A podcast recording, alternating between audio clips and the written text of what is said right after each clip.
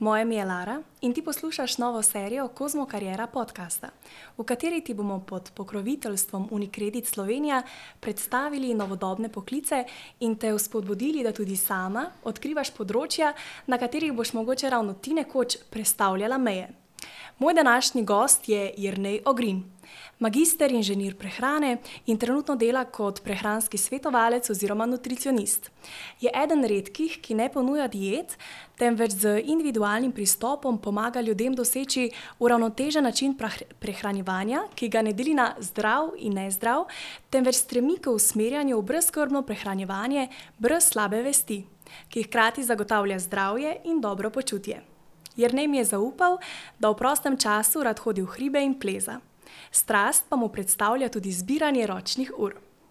Jrnej, vesela sem, da si danes z nami in da se bova pogovorila o hrani, o um, tvojih pogledih na hrano. Um, in za začetek bi rada, da te sama in kozmo poslušalke in poslušalci bolje spoznamo. Zato ti bom postavila nekaj hitrih vprašanj, um, ki jih bom postavila tudi vsakemu gostu Kozmo Karjera podcasta. Uspeh, na katerega si najbolj ponosen, je.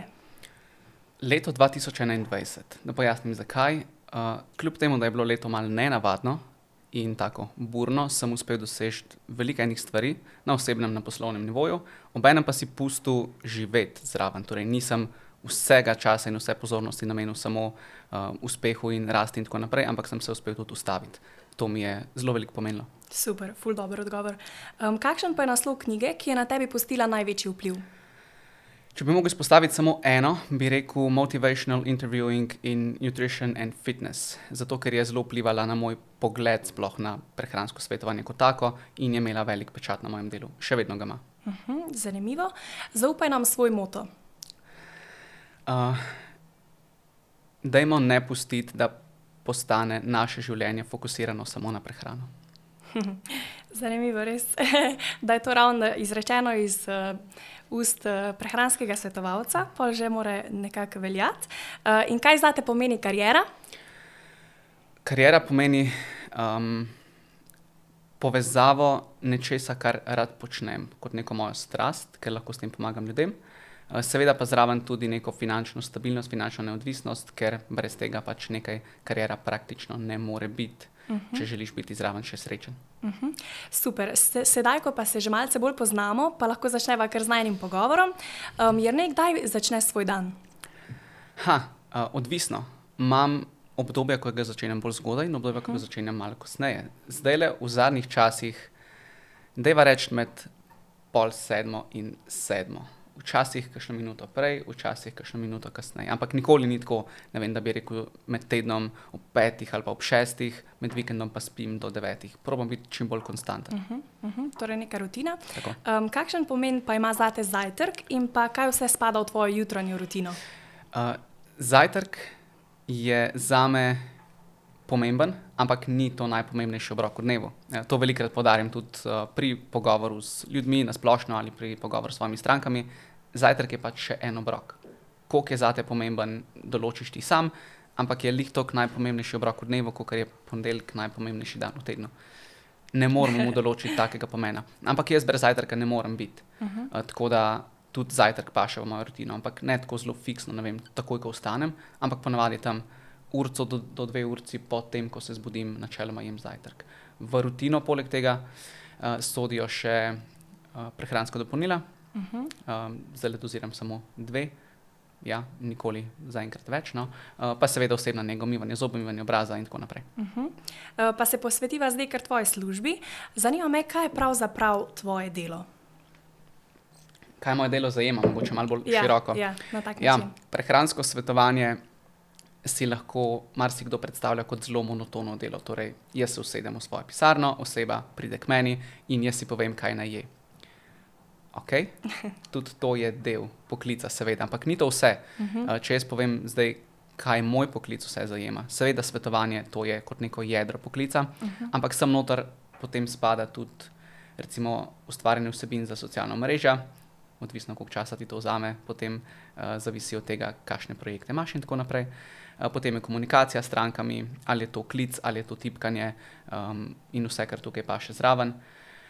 Um, potem so take stvari, kot je tale podcast. To vse spada v kariero, oziroma v, v neko v službene obveznosti, recimo, tako, čeprav to niti približno ni kot neka 9 to 5 služba, torej uh -huh. nekaj tajnega običajnega, kar smo vajeni. Recimo, kot zanimivost, moj uh, dedi, moj ata, stara, tako kar mu rečemo, um, si sploh ne zna predstavljati, kaj delam. Ker je to poklic, ki v njegovih časih ni obstajal, uh -huh. ni mu predstavljivo, da od doma delam vse in da se nikamor ne vozim v službo.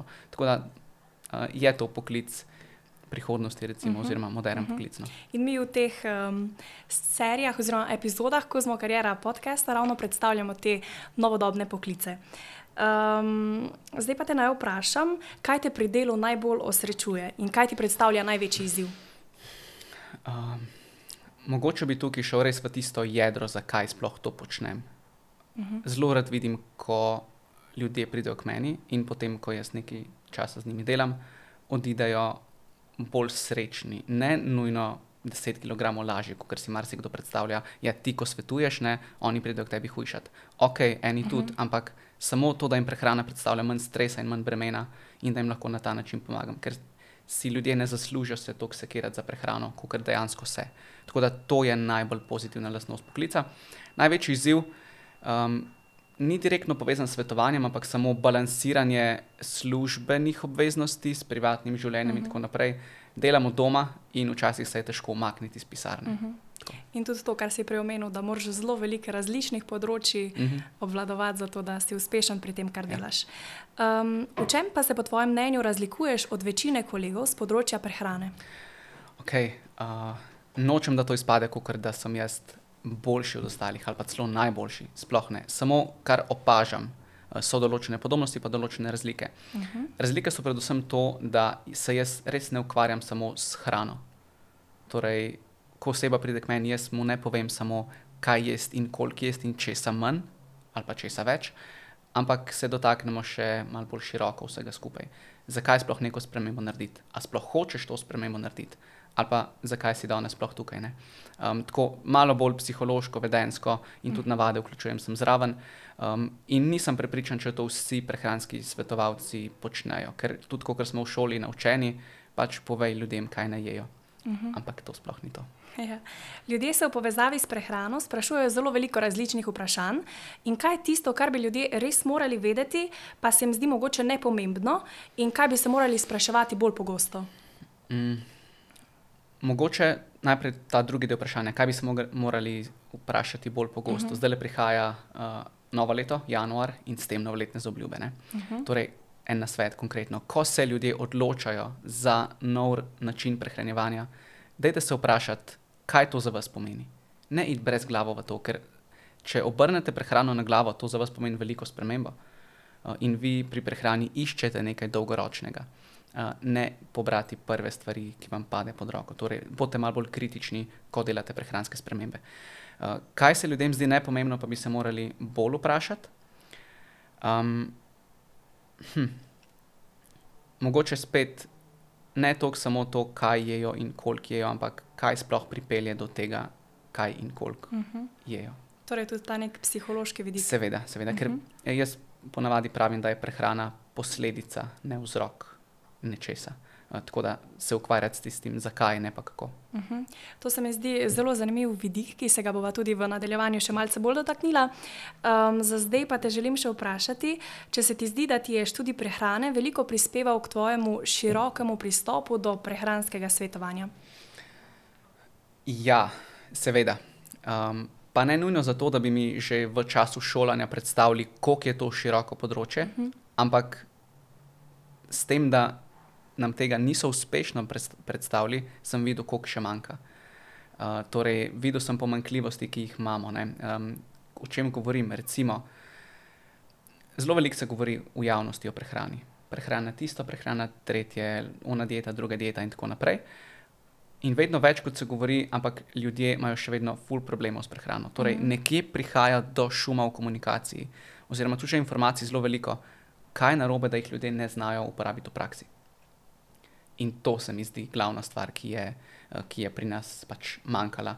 Kar se tiče širine, pa se mi zdi, da posameznik dobi šele potem, ko gre dejansko v praksi delati. Uh -huh. Ker prej si sploh ne zna predstavljati, kaj um, prehrana v praksi pomeni. Uh -huh. Večkrat rečeš, da ne zdrava hrana ali pa slaba hrana sploh ne obstaja. Lahko malo bolj pojasniš, kaj točno s tem misliš? Lahko, seveda. Uh -huh. Dajmo vzeti kar konkreten primer. Brokoli. Prva asociacija je zdravje, samo zdravje in nič drugega. Okay.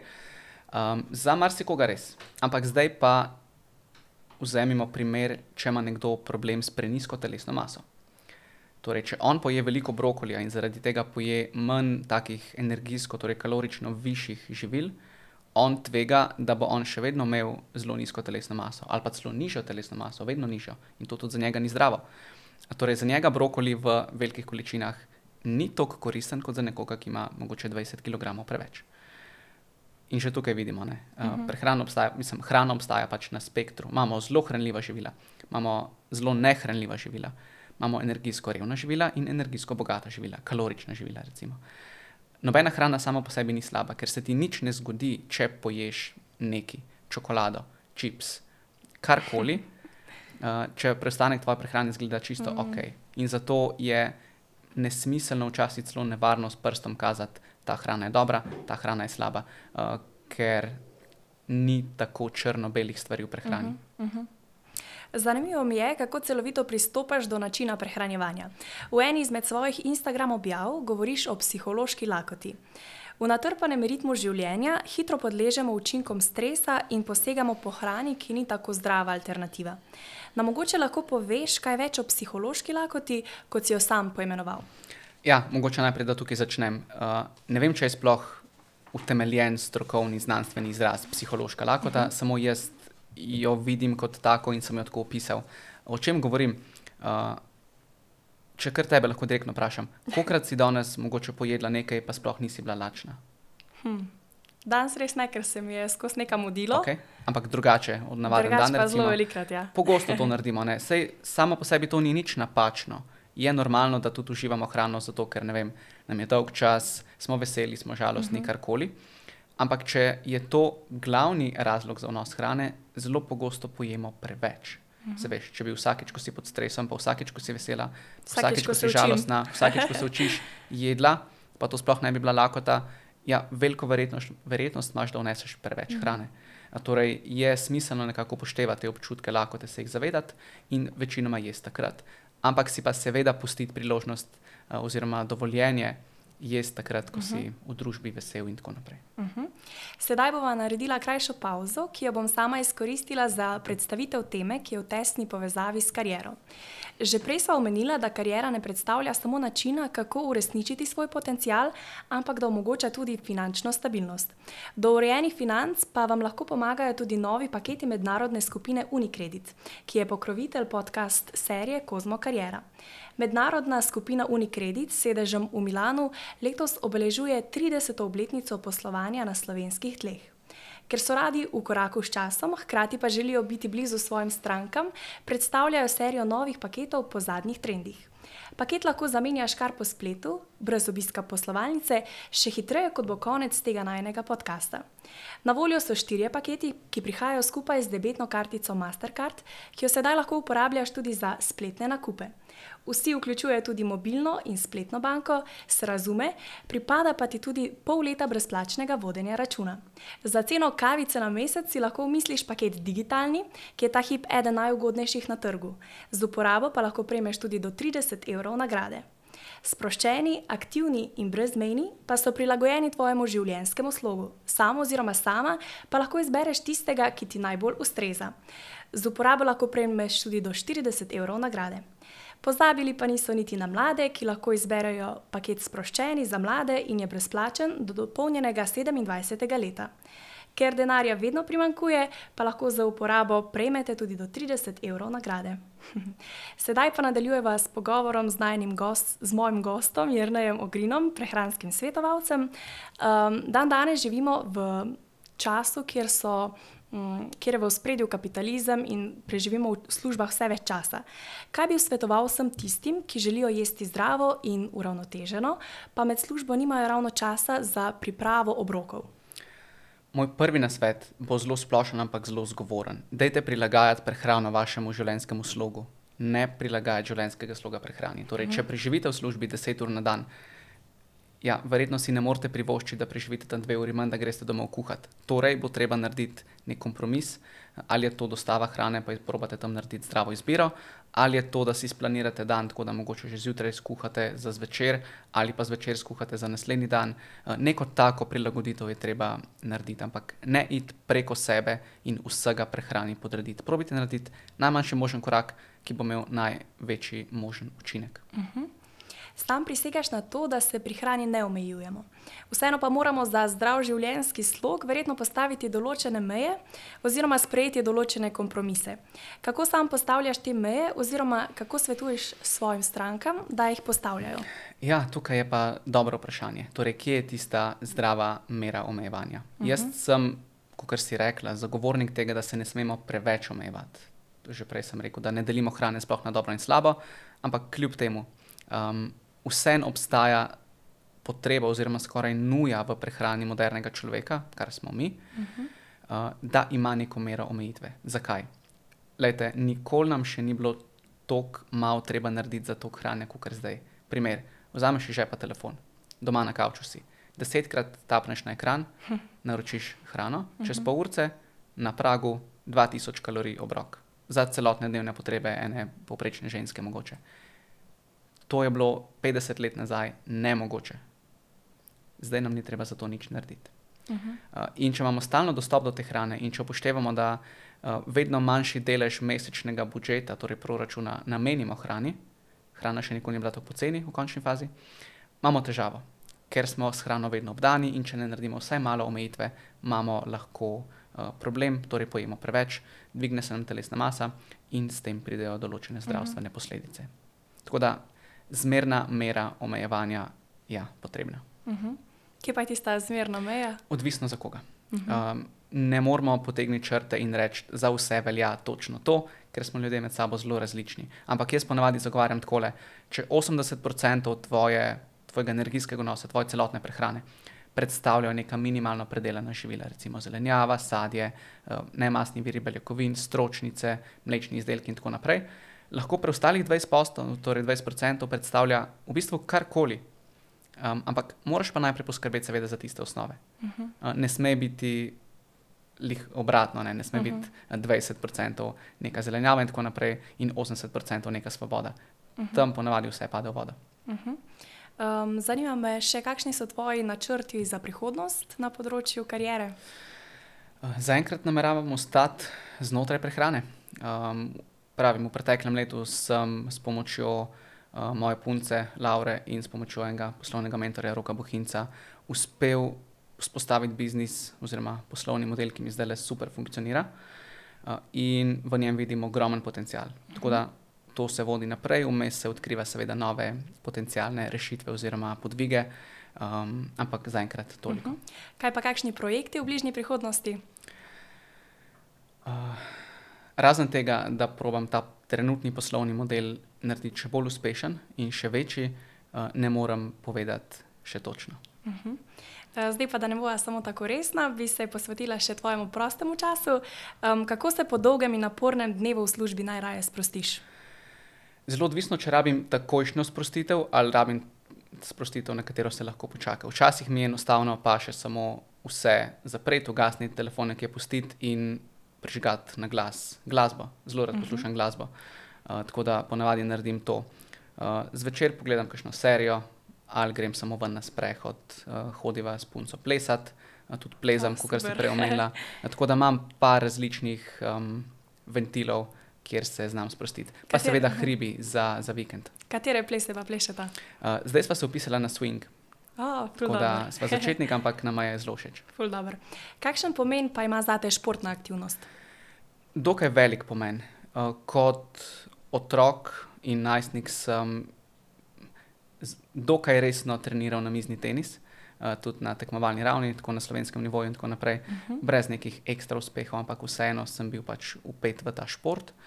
Um, kot aktivnost odraščal sem na kmetiji, tako da sem bil celo življenje v bistvu aktiven vsak dan. Uh, zdaj pa pravim, izkoristim za kakšen trening, pohod, sprehod, um, plezanje po novem. Tako da uh mhm. -huh. je dokaj pestro, nič specifičnega, da bi samo eno stvar delal, ampak probam biti tako uh, zelo dinamičen, prilagodljiv uh, in pa probati čim več različnih uh -huh. stvari.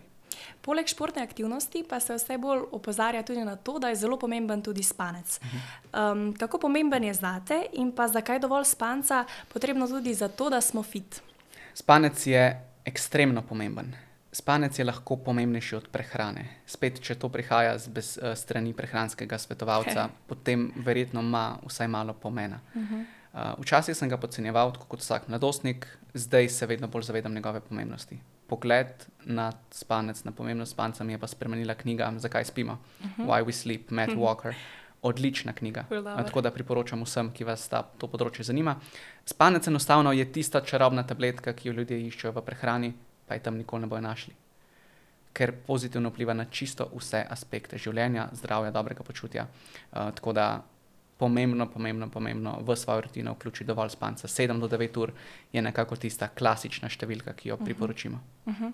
Jaz sem tudi tole knjigo, ki si jo preomenil ravno na svoji nočni polički, tako da ko mi čakam, da jo preberem. Um, Jer ne, že prej sem omenila, da si ljubiteljski zbiratelj ročnih ur in zakaj ti strast predstavljajo ravno ročne ure? Niti ne vem točno iz kje ta strast oziroma hobi izvira. Mislim, da sem enkrat, že zelo dolgo časa nazaj, na socialnih mrežah, na Instagramu, uh, iskal tam po Explore pageu in mi je v oči padla neka zelo lepa ura, in od takrat naprej sem bil hooked takoj. Tako da sem potem šel v akcijo in sem začel ure zbirati.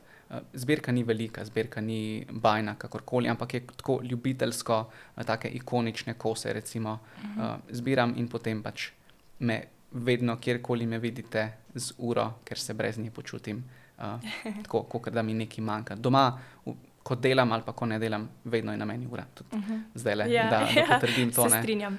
Hvala, Jrnej, ker si bil moj gost in hvala za vsa, m, vse zanimive odgovore. Zdaj bi te pa še vprašala, če imaš za naše kozmo poslušalke in pa poslušalce še kak na svet pred veselim decembrom, kako um, se ne prenajedati. uh, jaz bi spet postavil dokaj, spec, dokaj uh, splošen odgovor, ampak dokaj zgovoren.